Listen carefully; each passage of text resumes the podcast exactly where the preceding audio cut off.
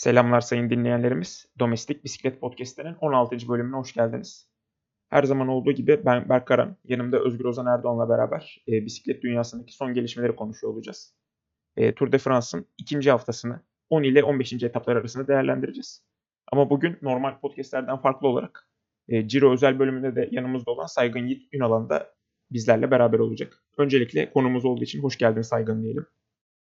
Hoş buldum Berk'cim. Teşekkür ederim. Aslında e, uzun bir ara oldu çünkü e, yoğunluklarımdan dolayı anca vakit ayırabildim. E, tekrardan teşekkür ediyorum aranıza geri döndüğüm için ayrıca mutluyum. Evet Özgür abi sen nasılsın? Sen buranın zaten gidiklisisin.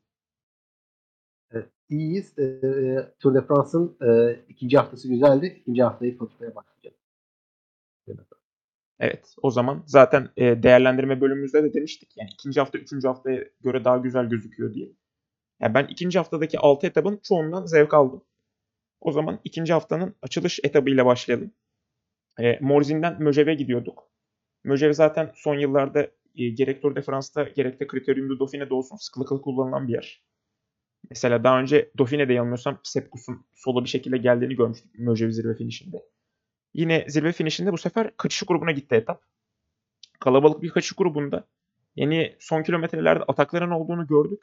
Mesela Luis Leon Sanchez e, uzun bir atak denedi.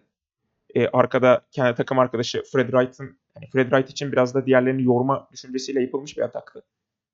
Ee, daha sonra yakaladılar Luis Leon Sanchez'i ama Fred Wright'ta da o şey yokmuş. Sondayız hani. Her ne kadar bir zirve finish olsa da sprintle bittiğini gördük e, etaba.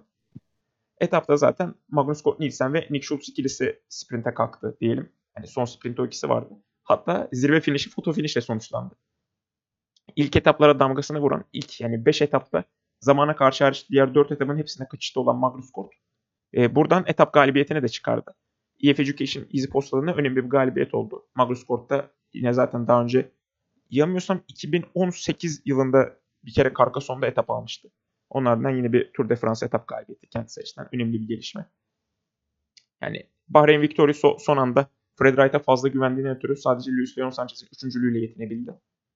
Onun dışında yani genel klasman açısından burada çok bir şey olmadı. Yani genel klasmancılar birlikte beraber geldiler. Burada büyük bir süre kaybı olmadı fauller açısından. O zaman ilk hani konumuz olan Saygın'la başlayalım. Saygın bu etap seni eğlendirdi ve güzel buldun mu etabı? Ben e, çok iyi eğlendim, keyif e, keyif aldım. Aynı zamanda da Magnus Kort ve e, Nick Schultz'un e, beraber sprinte girmesi de ayrı keyifliydi ama burada e, benim kalbimi kıran küçük bir detay oldu. O da Leonard Kemna'nın e, sarı mayoyu kaçırışı. E, belki bir 10-15 saniye e, geriden gelseydiler ya da Pogacar e, son saniyelerde atak yapmasaydı Leonard Kemna'nın üzerinde sarı mayoyu görmek isterdim. E, çünkü e, zaten e, Len, e, şöyle söylemek gerekirse e, Jonas Vingego ve Pogacar arasında rekabet vardı ve e, burada da biraz da olsa Piango e, Leonard Kemna'ya gülmüştü. En azından bir günlüğüne de olsa Leonard Kemna'nın e, sarı mayoyu taşımasını isterdim. E, a, onun dışında Magnus Kort için hak edilmiş bir zafer oldu. Söyleyeceklerim bu kadar. Evet. Eğer Kemna çok isteseydi o zaman kaçış grubunun ön kısmıyla gelseydi. Kendisi son kilometrede kaçış grubundan düşünce orada da bir 20-25 saniye civarı bir şey yemişti. O saniyeler daha sonra çok değerli bir şekilde etkisini gösterdi. Sarımayı ulaşamamasına nedeni oldu. Sen neler düşünüyorsun Özgür abi? Sence bu kaçış grubunun gerisinde kalmasının etkisi oldu mu Sarımayı'yı alamamasında? Levent Kam'la aslında e, e, bence hani, kaçış grubunun gerisinde kalmasının değil de Pogacar'ın e, gençliğinin etkisi altında kaldı diyebilirim. Çünkü yani normalde Pogacar o dışında biri hani oraya artık hani puan kalmamış olduğu noktada artık hani hızlı gelmeye kalkma. E, hani grubun gruptan düşenleri zaten yakalayamıyorlardı. E, en önde gelmeye çok uğraşmazdı. Hani 20. olmak için sprint atmak birazcık hani e, sadece Pogacar'ın Pogacar'larını göstermesi anlamında önemli oldu bence. Yani oyun dışında hiçbir şeyde yaramadı. E, 20'cilik sprintinin e, çok bir alaka anlamı da olmadığını zaten gördük o bu etabın içinde. Hani ben e, daha çok e, kaçış grubunun e, kalitesine de dikkat çekmek istiyorum. Hani çok kaçışlı. Çok iyi bir kaçış grubu. Hani bu etapın gerçekten de hani tam e, adına yarışır bir kaçış grubuydu. E, zaten hani e, özellikle ben hani bu kaçış grubundan bir şeyler bekliyordum ama Magnus Kort özellikle hani şeyde kaybettikten sonra e, Dağlar Kralı Mayası'nda kaybettikten sonra e, kendine hani etap zaferiyle de Danimarka Prensi ünvanı hani bence bu turun hani şu ana kadar en iyi Danimarka ünvanını e, Magnus Kort'a vermek istiyorum. Hani daha zaten diğer etaplarda konuşuyoruz. Hani orada da başka Danimarkalılar da var hani e, konuşacağımız ama hani bu turun bence en Danimarkalısı e, Magnus Kort'tu. Tabii e, kendisi de e, hani sonra konuşuruz belki konuşmayı unuturuz da o yüzden söyleyeyim. Hani e, turu bitiremedi maalesef. Evet. Kendisinin de Covid testi pozitif çıkmış. Kendisine de geçmiş olsun dileklerimizi iletelim ve de o 11. güzel etabımıza geçelim. Ben şöyle bir küçük bir ekleme yapmak istiyorum izninizle. Ee, şu, şundan bahsetmek şundan bahsetmek gerektiğini de düşünüyorum. Ee, Le- Leonard Kemna e, bence biraz daha süreye güvendi ve e, bundan dolayı da e, grubun arkasına takılmadığını düşünüyorum. Bir de şey belki hatırlarsınız e, Roglic de böyle e, kritik zamanlarda atak yapıp 1-2 saniyede olsa süre almaya çalışıyordu. E, sanki biraz Roglic'in e, Roglic'ten kalma izler taşıyor gibi ve bu da e, 11. etapta aslında sarı mayoyu kaybetmesine sebep oldu. Yani küçük hesapların peşine takıldığı zaman aslında insan büyük şeyleri göremiyor ve büyük şeyleri kaybediyor. Evet. O zaman 11. etabımızla devam edelim. 11. etabımızda hem Galibiye çıkılıyordu hem de ardından Coldugran'ın tırmanışı vardı. E, bu hafta başlarken zaten e, George Bennett Covid nedeniyle UAE takım kampından ayrıldı. Tura devam edemedi. Langen aynı şekilde Covid pozitif çıktığından dolayı yarışa devam edemedi. Maika Covid pozitifti ama virüs yükü az olduğu için yarışmaya devam etti ama Covid'in etkilerini ne kadar taşıdığını veya gösterdiğini bilmiyorduk. Bu etapla beraber her şey açığa çıktı. Jumbo Visma e, Vingegaard'un iyi pozisyonundan da yararlandı ve de daha Galibiye eteklerinde tempo yapmaya başladılar. Zaten öyle bir olay oldu ki bir anda 4 Jumbo Vismalı ile aynı grupta kaldı Tadej Pogacar. Hani geri kalan hiçbir arkadaşı o gruba gelememişti. Böyle büyük sıkıntılar yaşandı UAE cephesinde. Ama Tadej Pogacar e, Galibiye e, zirvesi geçildiğinde halinden memnun gözüküyordu. En azından ataklara cevap verebilir durumdaydı. Daha sonra Roglic ve Vingo, Vingegaard ikilisi yani e, bisikletin en klasik ataklarından olan hani iki takım arkadaş olunca bir iki ataklarını çekmeye başladılar sırayla Pogacar'ı. Pogacar o Galibiye arası kısımda atakları hep karşıladı ve geri getirmeyi başardı. Hatta aradaki kısımda hani böyle yarış tempolu geçildi hani hani ne güzel tempolu böyle hadi hadi devam tarzında el hareketleri de yapıyordu kamera kendisini çektiği sırada. E, belki o anda kendine güveniyordu. O anda kendini enerjik hissediyordu.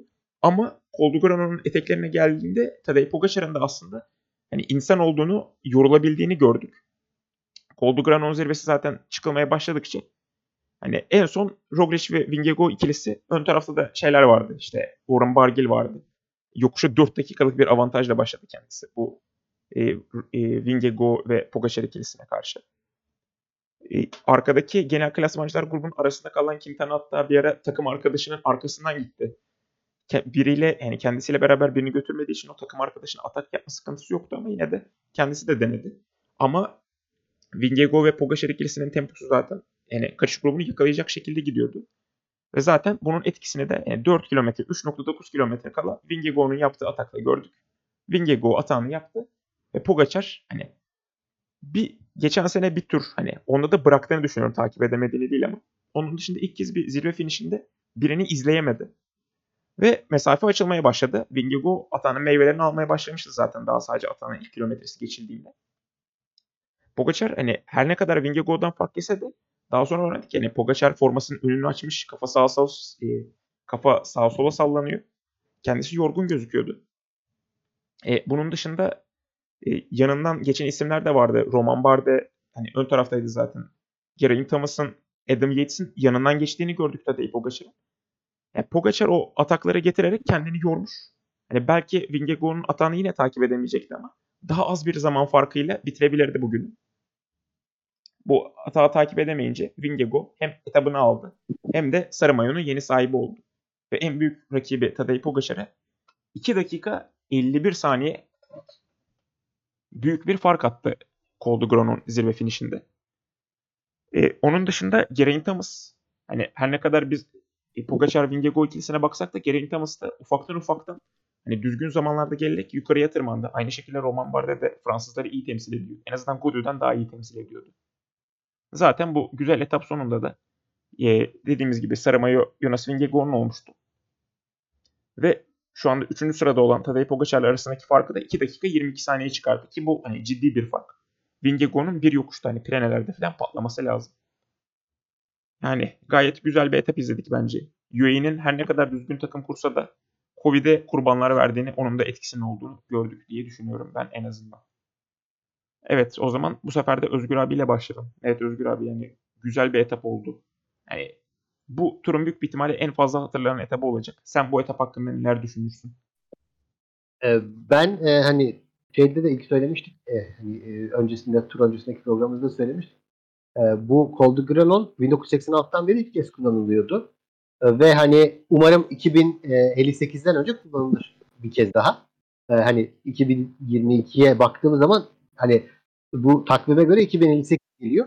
Ama hani 2058'den so- de- önce mutlaka kullanılacaktır artık. Hani senede bir kullanılacağını düşünüyorum. Çünkü hani bence şu ana kadar yani bu senenin e, en iyi etabı olduğu gibi son birkaç senenin de en iyi etabı oldu diyebilirim ben Col de Granon etabına. Bu etapla ilgili özellikle hani e, sonu dışında da notlar almışım. E, mesela Wout van Aert ve Matthew Van Der Poel'in birlikte kaçışı vardı. E, hatırlıyoruz bu kaçışı ve o kaçış e, belki de Matthew Van Der Poel'in e, son kez çırpınışı oldu. Yani son e, kaçışını gerçekleştirmiş oldu bu turda da ve kariyerinde e, katıldığı iki Tour de France'da bitirememiş oldu Matthew Van Der Poel. Hani e, Ciro'yu bitirdiği için ben e, belki e, yorgunluğu zaten tahmin ediyordum. Matthew Van Der Poel'in bu turu bitiremeyeceğini tahmin ediyordum ama hani bu kadar da etkisiz olduğu bir turu beklemiyordum Matthew Van Der Poel için. Önce onu söylemek istiyorum ama e, şunu da söyleyeyim hani Ciro'da çok iyi performans gösterdiği için hani Matthew Van Der Poel'i her zaman affediyoruz. Alpesini de daha sonraki etaplarda zaten konuşacağız Alpesinin bu turdaki en azından e, ataklarını ve başarılarının birazcık deva, birazcık arttı. E, ondan sonra arttı Alpesinin başarıları. E, baktığımız zaman yine e, hani bu etapta pek işe yaramayacak isimlerin de öncelikle kaçmaya çalıştığını gördük. Ama ondan sonra e, Col de Telegraph'a geldiğimiz anda bir anda işler değişti ve e, gerçekten genel klasman mücadelesine dönüştü. Hani e, sıkıcı bir etap olmayacağını orada anladık. Çünkü Col de Telegraph'ta Primoz Roglic e, birden fazla atak denedi. Ve hani baktığımızda hemen e, oradaki ataklara da e, Pogacar cevap verdi. Aslında Roglic'in hatana yanıt verip vermemesi gerektiğini de e, hani konuşabiliriz. Yani çok tartışabiliriz çünkü e, ben olsam hani orada artık Roglic'in ataklarına cevap vermemek isterim. Çünkü e, artık etkisi yok. Hani Roglic artık etkisiz eleman oldu. 2 dakika iler geride e, genel klasmanı hatta 2 dakikadan daha fazla gerideydi. E, kaldığımız noktada bile yani e, epey gerideydi diye hatırlıyorum. E, yani kaybettiği dakika, dakikalarla çünkü. E, ama hani yine genel klasman e, resmin içindeydi Roglic o etap o dakikalar itibariyle ama e, baktığımız zaman e, Roglic'in ataklarına yanıt vermesi tabii ki çok kötü etkiledi e, Pogacar'ı. E, orada da sadece Pogacar, Vingegaard ve Thomas cevap verebildi. E, fark e, üst üste Roglic ve Vingegaard ataklarıyla e, bozulunca Thomas neredeyse her zaman cevap verdi ama bir kere e, bile e, son bir kez zor cevap verebildi. E, ve e, Galibiye'de de hala parçalanmalar devam etti. E, hani Van Aert orada da liderdi. E, ama birden e, işte tabii o arada Bargil e, şeyi aldı. E, Galibiye tepesindeki ödülü aldı. En önemli tepe biliyorsunuz bu sene Col de Galibiye'ydi. Oraya al, al, alırken e, Van Aert da birden e, Galibiye'nin sonrasında geri kaldı. E, ancak tabii o arada e, Van Aert'in geride kalması da bir sebebi varmış.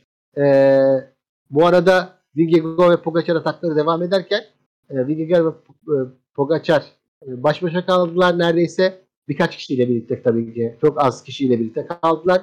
O arada e, işte e, Roglic de birazcık hafif geride kalmıştı.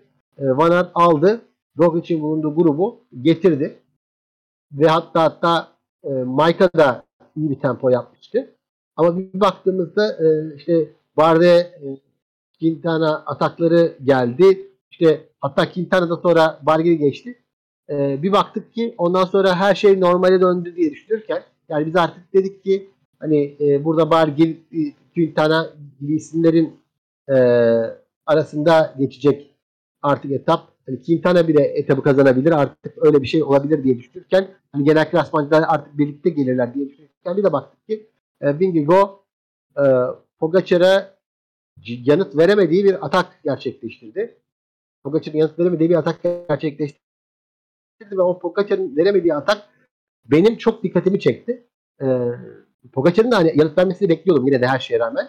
Ama hani temposu da o kadar e, farklı oldu ki benim için hani Vingegaard'un gerçekten de bu etabı kazanmasıyla birlikte turu kazanmak için büyük bir avantaj yakaladığını düşünüyorum.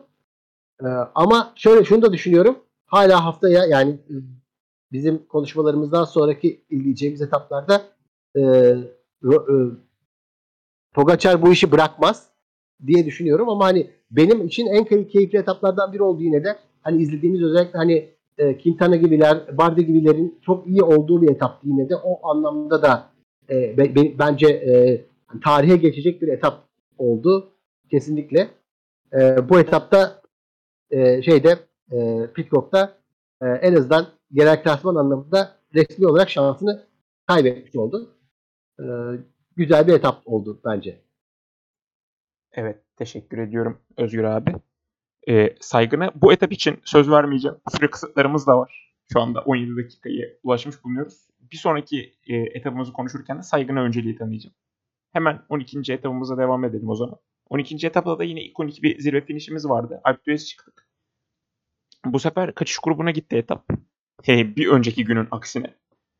E, Tom Pitcock öncelikle kaçış grubunda en ön kısmı yakalarken e, güzel bir iniş performansı yapmıştı. Zaten daha sonraki günlerde sosyal medyada çok şekesi paylaşıldı o iniş performansı.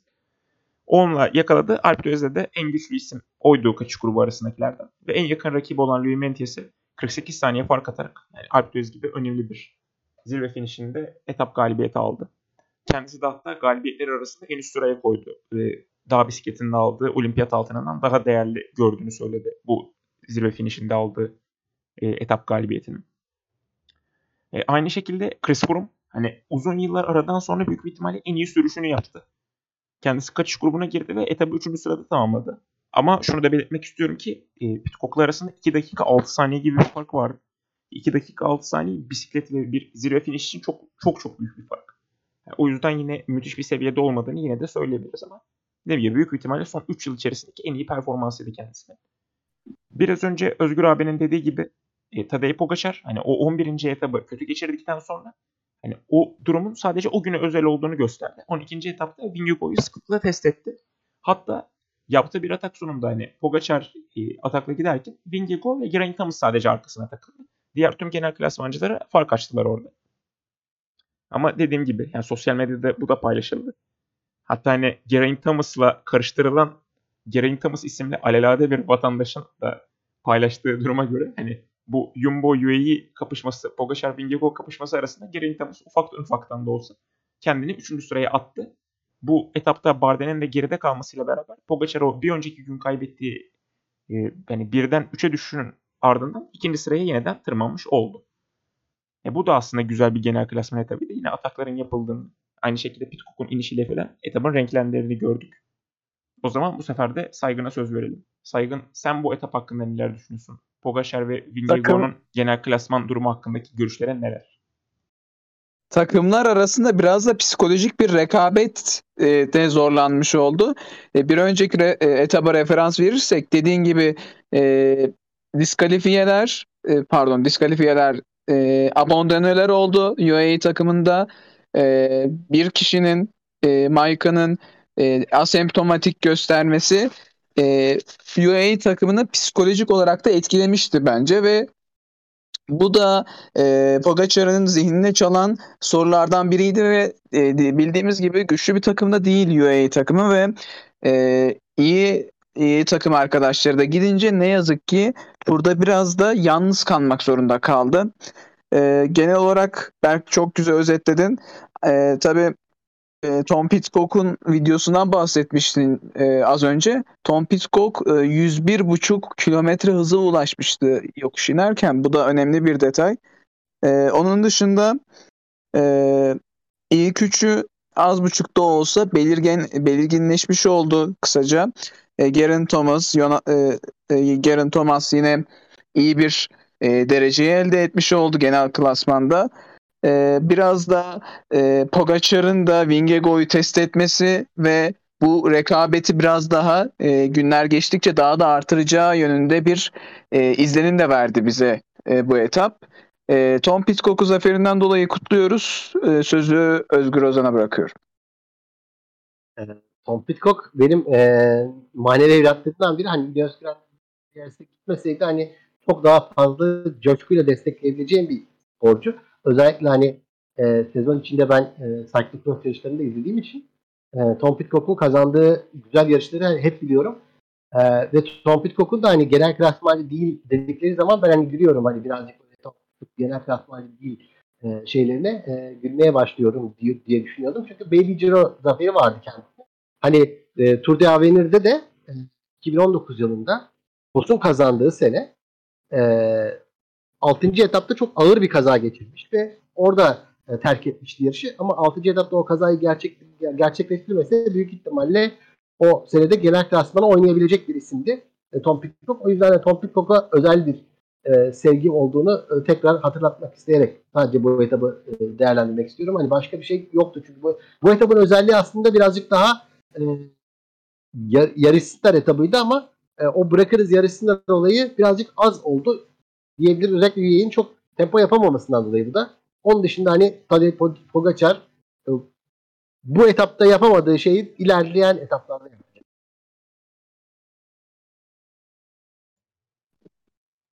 Evet, o zaman yeniden teşekkür ettim ve 13. etabımızla devam edelim. 13. etabımız yani inişli çıkışlı ve kaçış grubuna gideceği hemen hemen kesin olan bir etaptı. Nitekim öyle de oldu. Ee, güzel bir kaçış grubumuz vardı.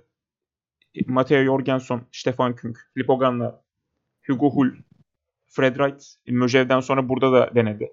Mats Pedersen aynı şekilde kışa giren isimlerdi. Kendileri zaten son kısımlara girildiğinde arkadaki kazaların da etkisiyle Caleb düştüğü etapta bu aynı zamanda. Arkadaki gruplar tam şey yapamayınca, kovalamayı tam tempo sürdürmeyince öndeki altılıya yani etabın gittiği belli oldu. Öndeki altılı dedik acaba ne? Şimdi arada küçüklü tepek, e, irili ufaklı tepeler var diyelim. E burada en iyi sprinter de Mats Pedersen. Yani Mats Pedersen'e elbette bir atan yapılacağını düşünüyorduk. Ama Mats Pedersen yani güçlü günündeymiş. Kendisine her zaman grubun önüne attı. Ataklara cevap verdi. Kendisi atak yaptı.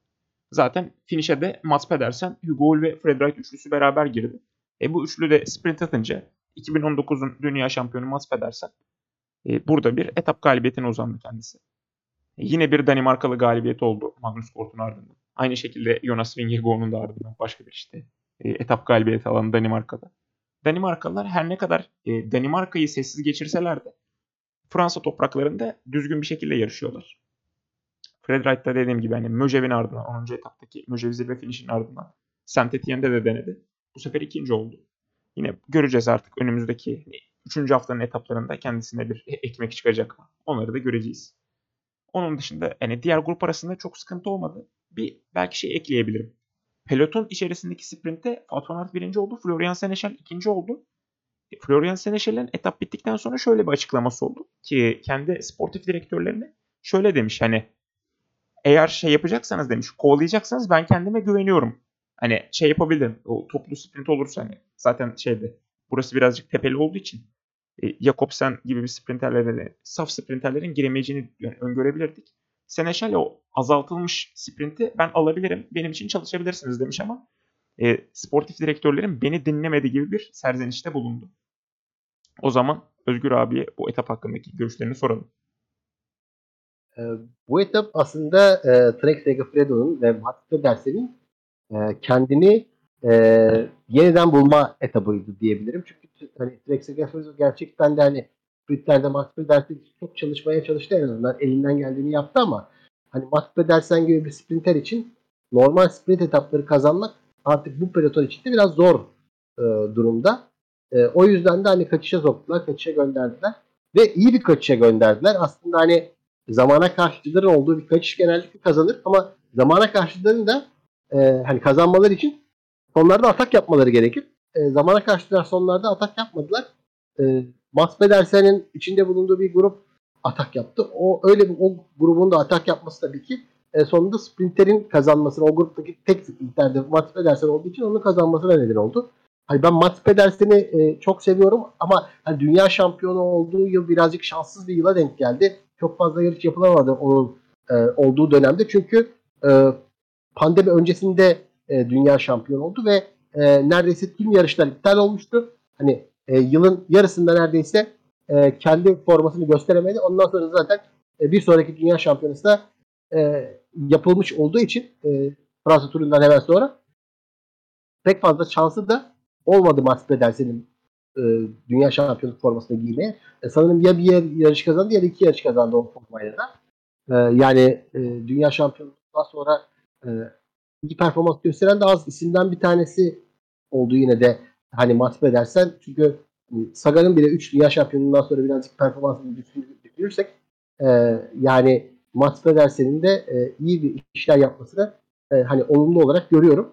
E, bunun dışında hani bu etapla ilgili fazla bir şey söylenecek bir şey yok. Çünkü yani bu etap birazcık daha böyle e, Caleb Evan'ın şanssızlığını gösteren bir etaptı. Hani onun dışında da çok fazla bir şey söyleyemiyoruz. Bu etapla ilgili Caleb Evan e, bundan sonra zaten zorlanmaya başladı yani artık. E, de e, bile kaçırdı yani neredeyse. E, ondan sonraki etaplarla ilgili söyleyeceğim zaten. Evet Saygın senin eklemek istediğin bir şey var mı ikimizin yorumlarına? E, Mats Pedersen e, yine iyi bir performans sergileyerek Özgür abinin de dediği gibi e, etabı kazandı. Tabii Fred, Fred Wright da e, geçtiğimiz günlere bakarsak kendi şansını zorlamaya devam ediyor. E, sürekli bir arayış peşinde ve bir zafere ulaşma peşinde. Fred Wright'ı ilerleyen günlerde de yine kaçış gruplarında da rahatlıkla göreceğiz ve e, belki bir tane de olsa bir zafer koparmasını canı gönülden istiyorum. E, onun dışında zaten e, Florian Seneşal durumuna değindin.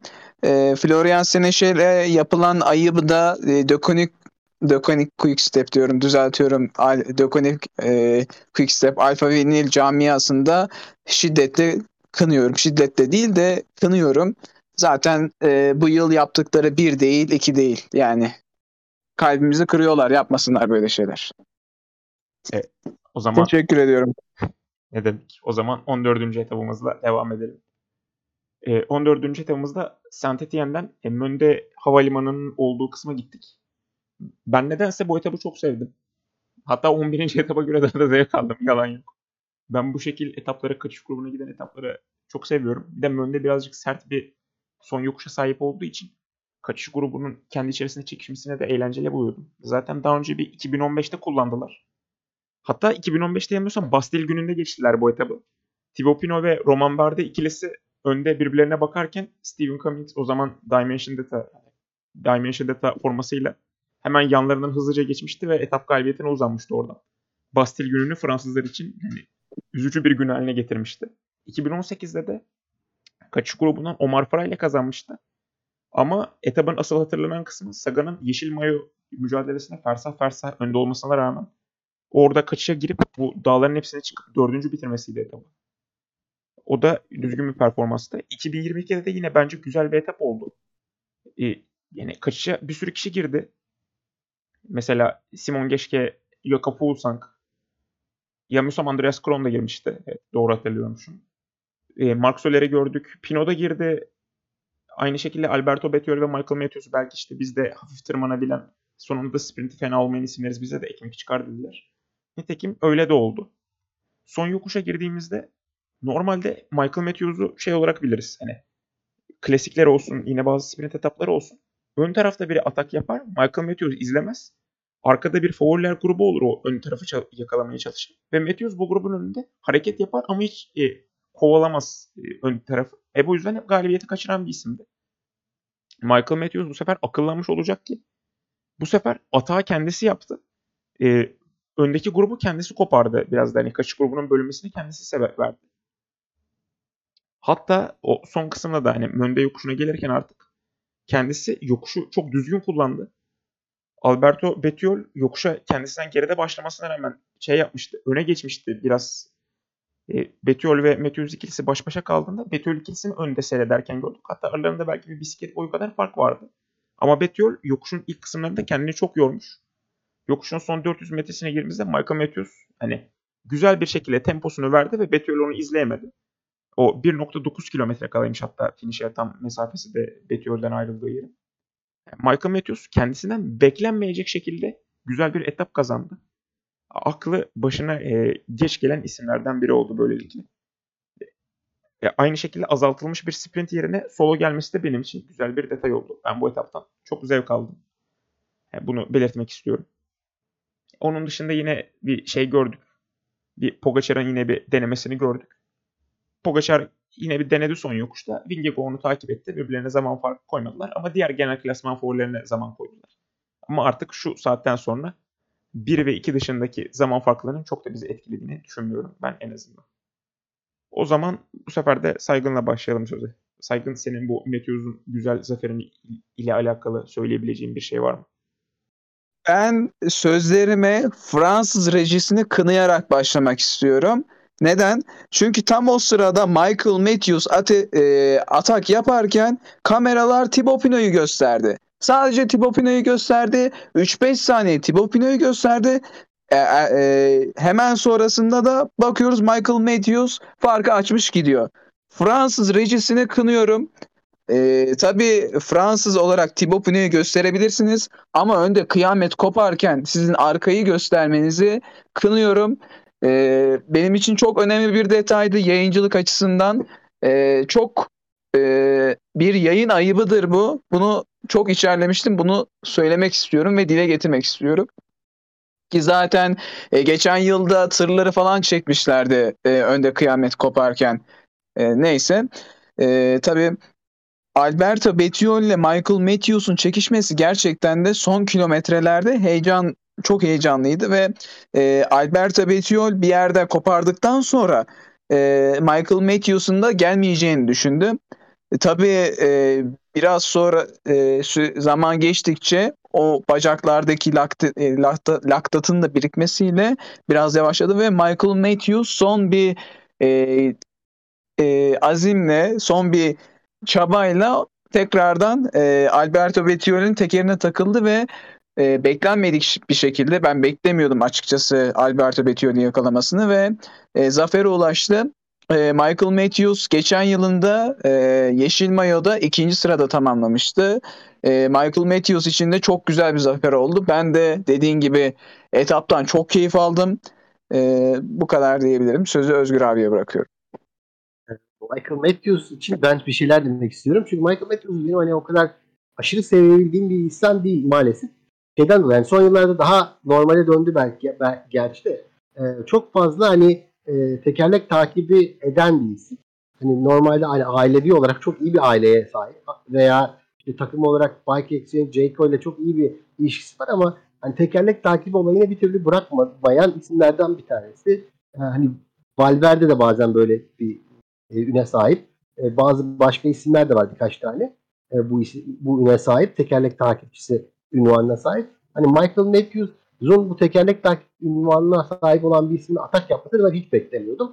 Hatta e, atak yaptıktan sonra ki Bettiol'de ondan sonra onu geçti e, tam tırmanışta e, tekrar e, bir güç bulup içinden bir daha geçmesini hiç hiç beklemiyordum. Hani Bettiol'e şöyle bir yazık oldu diyebilirim. Bettiol'e iki defa yazık oldu. Birincisi e, e, çevrecilerin e, gösteri yaptığı etapta ve yarıda önce yarıda kalan sonra da tekrar devam eden etapta Bettiol gücünü kaybetmişti. E, ve hani orada sprinti orada e, tek başına gidip hani skor tabii kazandı takım arkadaşı kazandı ama orada e, Bettiol kazanabilirdi. Bir de burada da kazanabilirdi ama hani Bettiol'ün e, şanssızlığı tabii ki Matthews'un da gerçekten de Matthews'dan beklemediğimiz kadar iyi bir etap etabı kazanmasına neden oldu. Tabii zaten e, Fransa e, turu bu bu finişi çok seviyor. Bu finişi hadi neredeyse her yıl görüyoruz. Hani 2018'de gerçekten çok kullanıldı ama hani e, çok sık kullanılıyor bu finişi.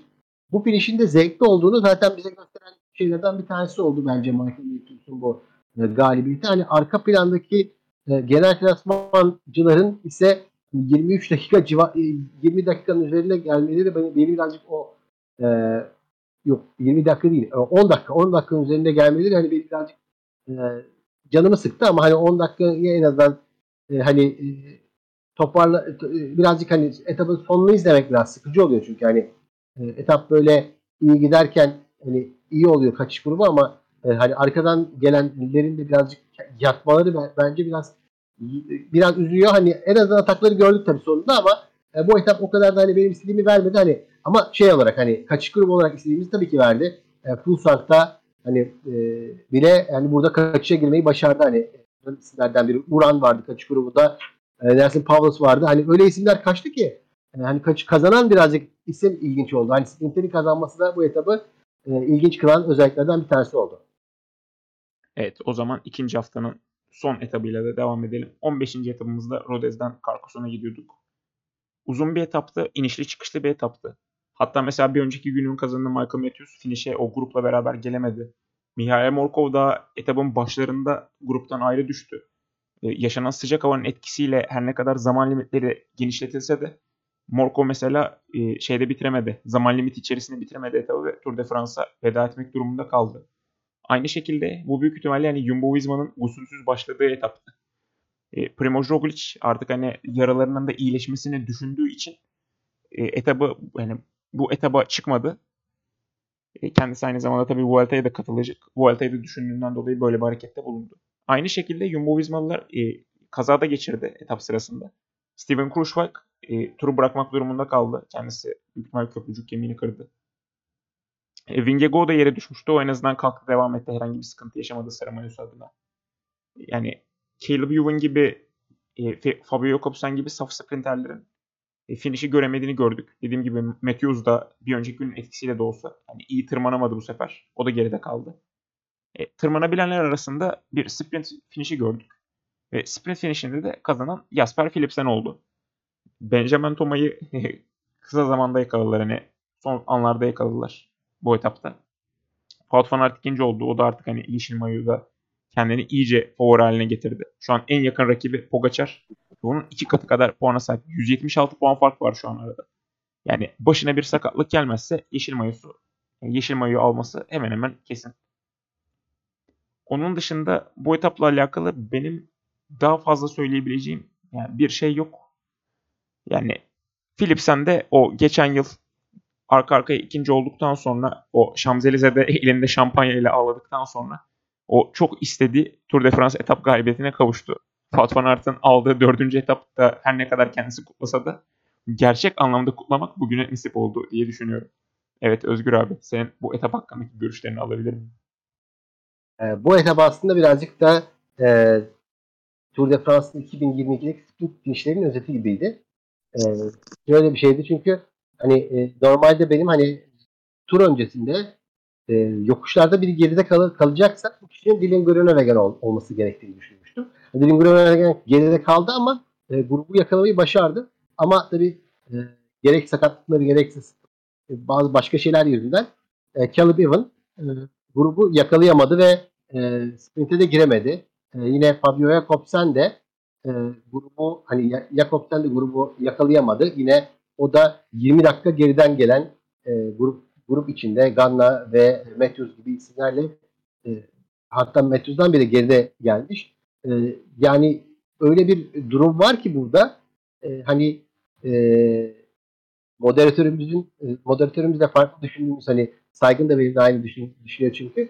E, Jakobsen değil e, Jakobsen'le birlikte daha doğrusu e, Morkov'un da yanında e, bir tane sporcu yerine e, Cavendish'i istiyorduk. Hani biz burada. E, hani Cavendish'in ben burada en azından yokuşları çıkabileceğini hani normalde eskiden çıkamazdı. Hani 2015 ile 2020 arasında e, böyle bir şey yoktu ama e, tekrar modunu ve performansını aldıktan sonra ve özellikle İngiltere Ulusal Şampiyonası'nda da yokuş çıkmış bir Cavendish'in burada etabı hani en azından iyi götüreceğini belki etap kazanacağını Jasper Philips'e etap galibiyetini vermeyeceğini düşünüyordum.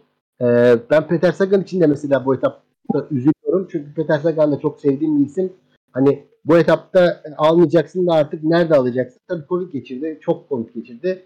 Ee, yani geri dönüşlerini de yaptı. Yokuşlarda bu sefer bir şey yapmadı ama hani burada da e, dördüncü sırayı aldı e, Sagan. E, hani onu birazcık üzüldüm etap olarak. Etap açısından. Hani Seleşar yine sprinte girdi burada yedinci oldu ama e, hani e, Jasper Philipsen'in tabii ki e, çocukluktan beri hayali olan Tour de galibiyetini, etap galibiyetini almak tabii ki o da mutluluk verici. Hani o en azından e, birazcık e, üzüntümüzü azaltan bir şey. Ve Wout da yine e, olağan ikinciliklerinden birini alması da e, tabii bu eskiden Sagan'a denilen olağan ikinci sıfatının yavaş yavaş Wout van yapışmasını e, getiriyor bu etapla birlikte. E, bu etapta bir de ilginçlik vardı. Hani e, yani hani e, Pogacarlar Pogacar neredeyse bu etapta da çok çalıştı. Herkes bu etapta da çok çalıştı yani diyebilirim. Ve hani e, bu etapla birlikte birazcık daha şey hani Pogacar 3. haftaya hazır izlenimi bana verdi en azından. Hani bunu da şey için söyleyeyim hani e, genel olarak e, tur değerlendirmesi anlamında 3. hafta öncesinde çünkü Primoz işte hani bu etaba başlamadı. Zaten pek şansı yoktu ama hani en azından son haftada Jumbo Visma'nın da e, yaşadığı kazalarla birlikte e, son hafta birazcık daha e, birebir mücadele olacağını bize gösteriyor. En azından bu etap birazcık onu da getirdi bize. Evet. Ee, Saydın sen ne diyeceksin bu etapta?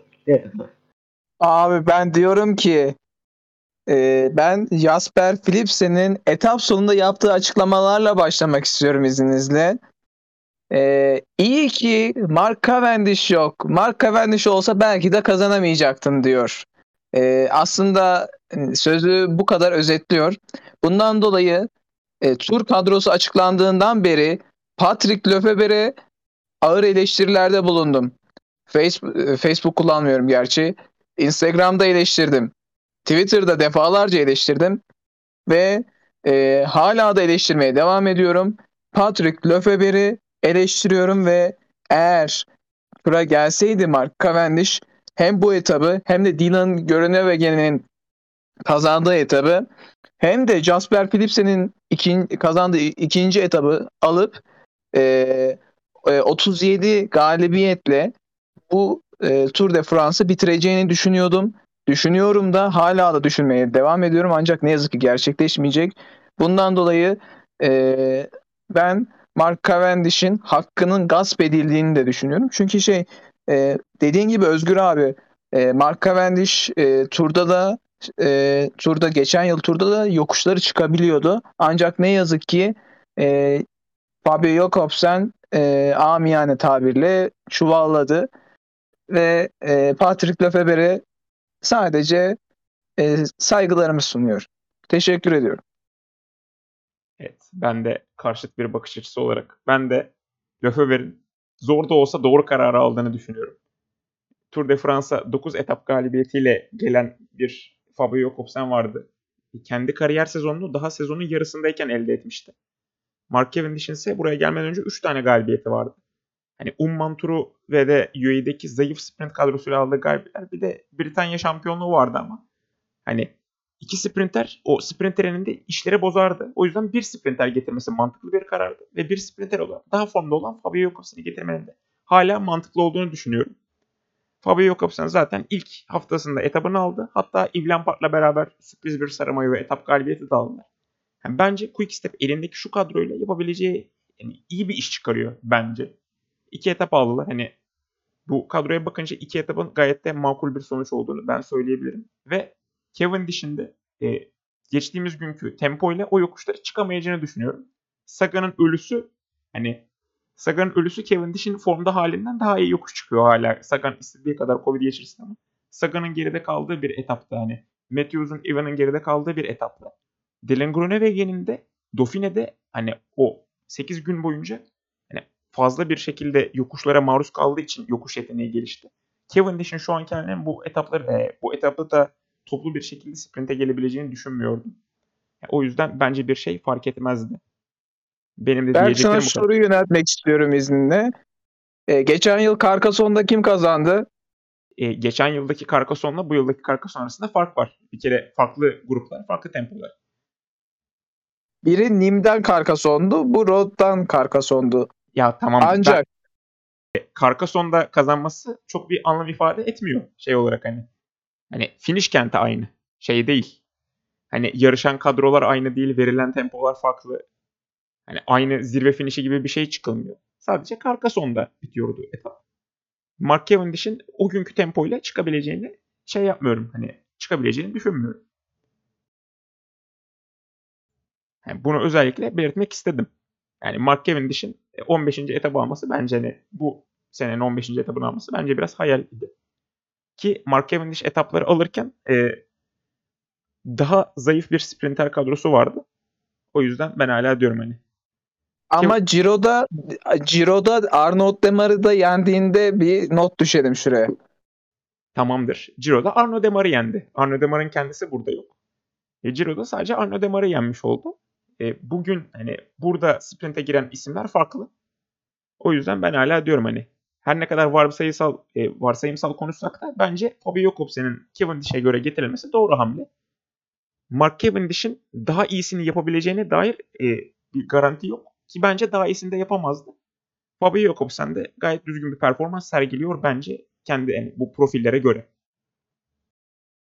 E, Ben de e, Fabio Jakobsen'e bir kazandığı bir etapçığı e, tebrik etapçığından dolayı kendisini tebrik ediyorum ve e, Mark Cavendish'in sonuna kadar da hakkının gasp edildiğini düşünüyorum ve söylüyorum. Söylemeye de devam edeceğim. Teşekkür ediyorum Berk'ciğim. Evet o zaman farklı görüşlerimizi de bitirelim bu seferki podcast bölümünü de. Hı. E, o zaman e, kapatmadan önce 3. hafta 3. hafta podcastinden önce söylemek istediğiniz bir şey var mı ekstradan? E, ben şuna değinmek istiyorum. E, kadrolar e, nispeten biraz daha azaldı. Hem UAE takımından hem e, Jumbo Visma takımından. E, Primoz Roglic e, süper domestik e, açısından önemli bir eksiklik olarak düşünüyorum Jumbo Visma takımından ama hala bir fa- e, faz, fa- e, faz fan artları var. E, ancak e, son hafta e, bence daha heyecanlı ve daha keyifli geçecek ve e, daha fazla efor, daha fazla rekabet olacak. Ancak e, Covid-19 testi yarışın kaderini tayin edebilir. Bundan not düşeyim. Evet Özgür abi senin eklemek istediğin bir şey var mı? Benim de Pogacar ölmedi. Ee, yani devam ediyor ve e, çok güzel bir atak yapabilir. Ee, hani özellikle hani Trinidad'de ben bir etap bekliyorum. Çünkü hani zamana karşı da e, iki isim de çok yakın olacak birbirlerine. Yani Sarımayon'un e, eğer el değiştirmemiş olursa Sarımayon'un çok büyük bir sihri var. O yüzden zamana karşı 41 metre olması bir şey değiştirmez. Ee, dağlarda Pogacar'ın yakalaması ve e, geçmesi lazım benim için e, Vingegaard'u. O yüzden de hani Vingegaard'dan e, ya karşı Pogacar'dan ataklar bekliyorum. Atak veya ataklar bekliyorum. Evet ben de o zaman sizlere teşekkür ediyorum. Pazar günü Şamzelize'de artık Saramayo kimin üzerinde olacak hep beraber göreceğiz. Pazar günü aynı zamanda Formula 1'de de Fransa Grand Prix'si var. İkisinin aynı güne denk gelmesi de ilginç bir detay. E, Şamzelize'de son etap için yola çıkmadan önce de Kadınlar Tour de France'ın ilk etabı da Eurosport ekranlarında olacak. Onu da izliyor olacağız. Ama e, Tour de France'ın kadınlar versiyonu ve de e, Volon Tour'u iki sonraki podcast'imizin konusu olacak. O yüzden ben de şu anlık sizlere teşekkür ediyorum. E, soru, yorum, öneri ve görüşleriniz için Twitter adreslerimizden bizlere ulaşabilirsiniz. Bizleri dinlediğiniz için teşekkür ediyorum. Tek elinize taş değmesin diyorum.